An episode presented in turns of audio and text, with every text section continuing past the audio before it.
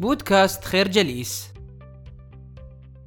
لا أحد ينكر في عالم اليوم بأن إدمان التدخين هو الآفة التي يعاني منها الإنسان المعاصر بامتياز. ولحسن الحظ أننا أصبحنا نعرف المزيد عما يسببه التدخين. في الوقت نفسه الذي نعرف الكثير أيضا عن كيفية الإقلاع عن التدخين. ولعل ما تطلعنا به مجموعة من الدراسات هو أن الجهل هو المسبب الرئيسي لعدم القدرة على الإقلاع عن التدخين. ولكي نحدد العوامل المساهمة في الإقلاع عن التدخين لا بد من التمييز بين أربع فئات من التدخين. ما يحدث داخل عقلك وكل العوامل التي تتحكم في سلوك الإدمان فيه. الأفعال الإرادية نتيجة الاستجابة لحافز معين. العوامل السيكولوجية كالاتجاهات والمعتقدات الخاصة بك وبعاداتك. العوامل الاجتماعية كتأثير الأصدقاء وظروف العمل ومساعدة الآخرين. وكي يعالج الإنسان نفسه من التدخين يلزمه تناول النيكوتين بصورة أخرى وبجرعات أقل. تناول أدوية الاكتئاب برامج الدعم السلوكي وغيره من التدخلات. الفكرة التمييز بين فئات التدخين يسهل عملية الإقلاع عن التدخين. لابد من التمييز هنا بين نوعين من الإدمان. الإدمان الجسدي ويعتبر النيكوتين سببا رئيسيا في الإدمان.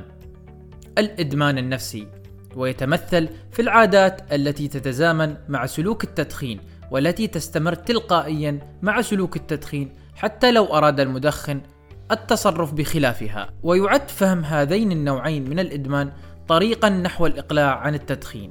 فالنيكوتين من بين الأسباب الرئيسية لعملية الإدمان.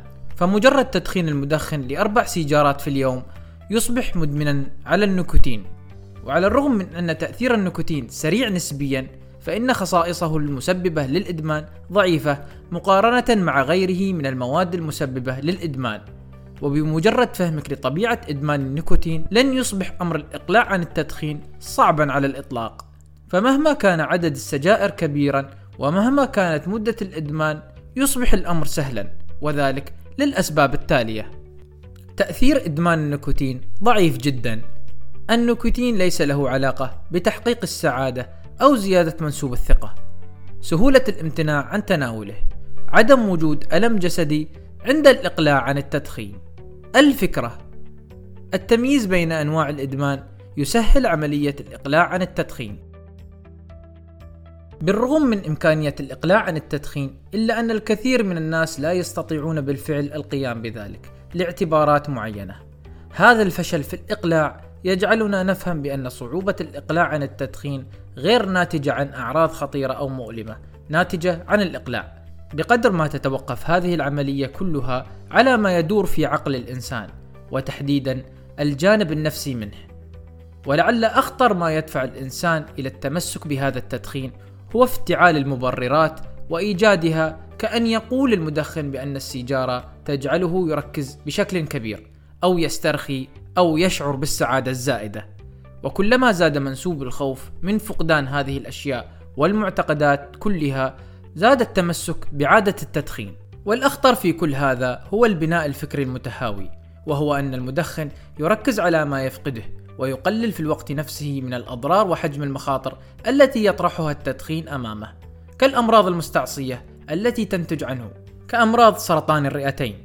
لكن بالرغم من كل هذه التخوفات فإننا نجد بأن ما يحدث من الامتناع عن التدخين هو بعد 20 دقيقة يعود ضغط الدم والنبض إلى الحالة الطبيعية. بعد مرور 8 ساعات يعود الأكسجين في الدم إلى حالته الطبيعية. بعد مرور 24 ساعة يتبدد أحادي أكسيد الكربون. الفكرة تتوقف عملية الإقلاع عن التدخين على ما يدور في عقل الإنسان وتحديدا الجانب النفسي منه. هناك مجموعة من الحجج التي يتخفى وراءها كل مدخن وقد ناقشها الكتاب بنوع من التفصيل بعد أن قسمها إلى أربع حجج رئيسية. التدخين يساعد على التركيز. التدخين يساعد على الاسترخاء. التدخين يحقق السعادة. الامتناع عن التدخين يسبب زيادة في الوزن. ولكي نجيب عن كل حجة من هذه الحجج نقول بأن التدخين لا يساهم في المساعدة على التركيز. فكل ما يحدث هو أنه عند انتهاء السيجارة بفترة قصيرة يشعر الإنسان باضطراب وتشتت الذهن.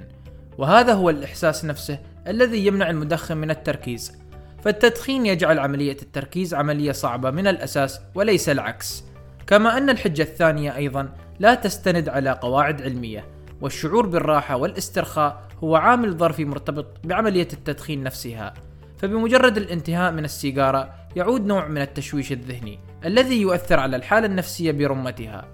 كما أن هذا العامل مرتبط بحجة أخرى يخلقها المدخن من وهم الشعور بالسعادة المؤقتة وهي سعادة وهمية أي أنها نوع من التجنب المؤقت للشعور بالاستياء. أما حجة زيادة الوزن فهي حجة واهية وغير علمية لأن زيادة الوزن مرتبطة أصلا من الأذواق والعادات وأسلوب الحياة. الفكرة الحجج التي يستند إليها المدخنون لا تستند على أسس علمية بل على أسس نفسية. نشكركم على حسن استماعكم. تابعونا على مواقع التواصل الاجتماعي لخير جليس. كما يسرنا الاستماع لآرائكم واقتراحاتكم ونسعد باشتراككم في البودكاست.